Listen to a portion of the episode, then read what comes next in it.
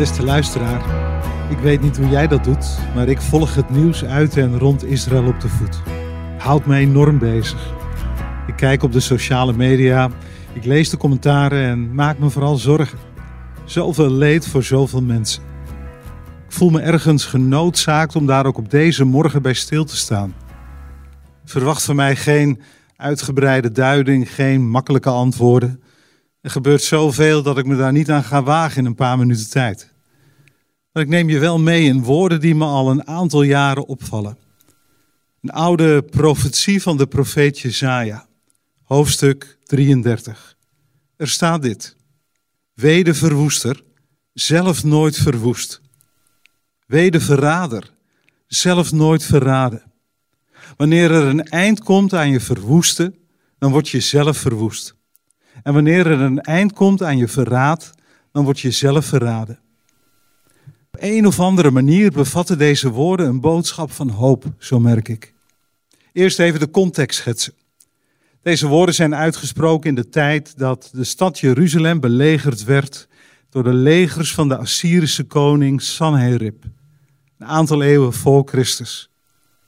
Er was sprake van vreed geweld. Het rijk van deze koning Sanherib was een wereldmacht en de politiek van dit rijk werd gekenmerkt door terreur en angst. En dan wordt Jeruzalem dus in de tang genomen door dit Assyrische leger. De angst in de stad moet onvoorstelbaar groot zijn geweest. In deze situatie mag de profeet Jesaja een boodschap namens God doorgeven. De verwoester hoeft niet te denken dat hij onbeperkt zijn gang zal kunnen gaan in zijn destructieve gedrag. Er komt een moment waarop de verwoester verwoest zal worden. En er komt een moment waarop de verrader verraden zal worden. Jezaja zal bij deze indringende woorden gedacht hebben aan die vrede koning Sanherib. En hij bemoedigt zijn tijdsgenoten met de boodschap dat deze kwade macht uiteindelijk niet zal overwinnen. Er komt een einde aan de duistere praktijk van koning Sanherib. Een machtig woord in de tijd van Jezaja. En zo is het gegaan. Ik geloof dat deze boodschap verder reikt dan die tijd. Een diepere lading van deze profetie. Een visioen dat steeds weer terugkomt. God geeft de verzekering dat de verwoester getroffen zal worden door de verwoesting. In de geschiedenisboeken komen we de bevestiging tegen van deze belofte. Wrede tirannen en demonische machthebbers zijn ten val gekomen. Dictators als Nero, Hitler, Pol Pot en velen met hen hebben dit ervaren.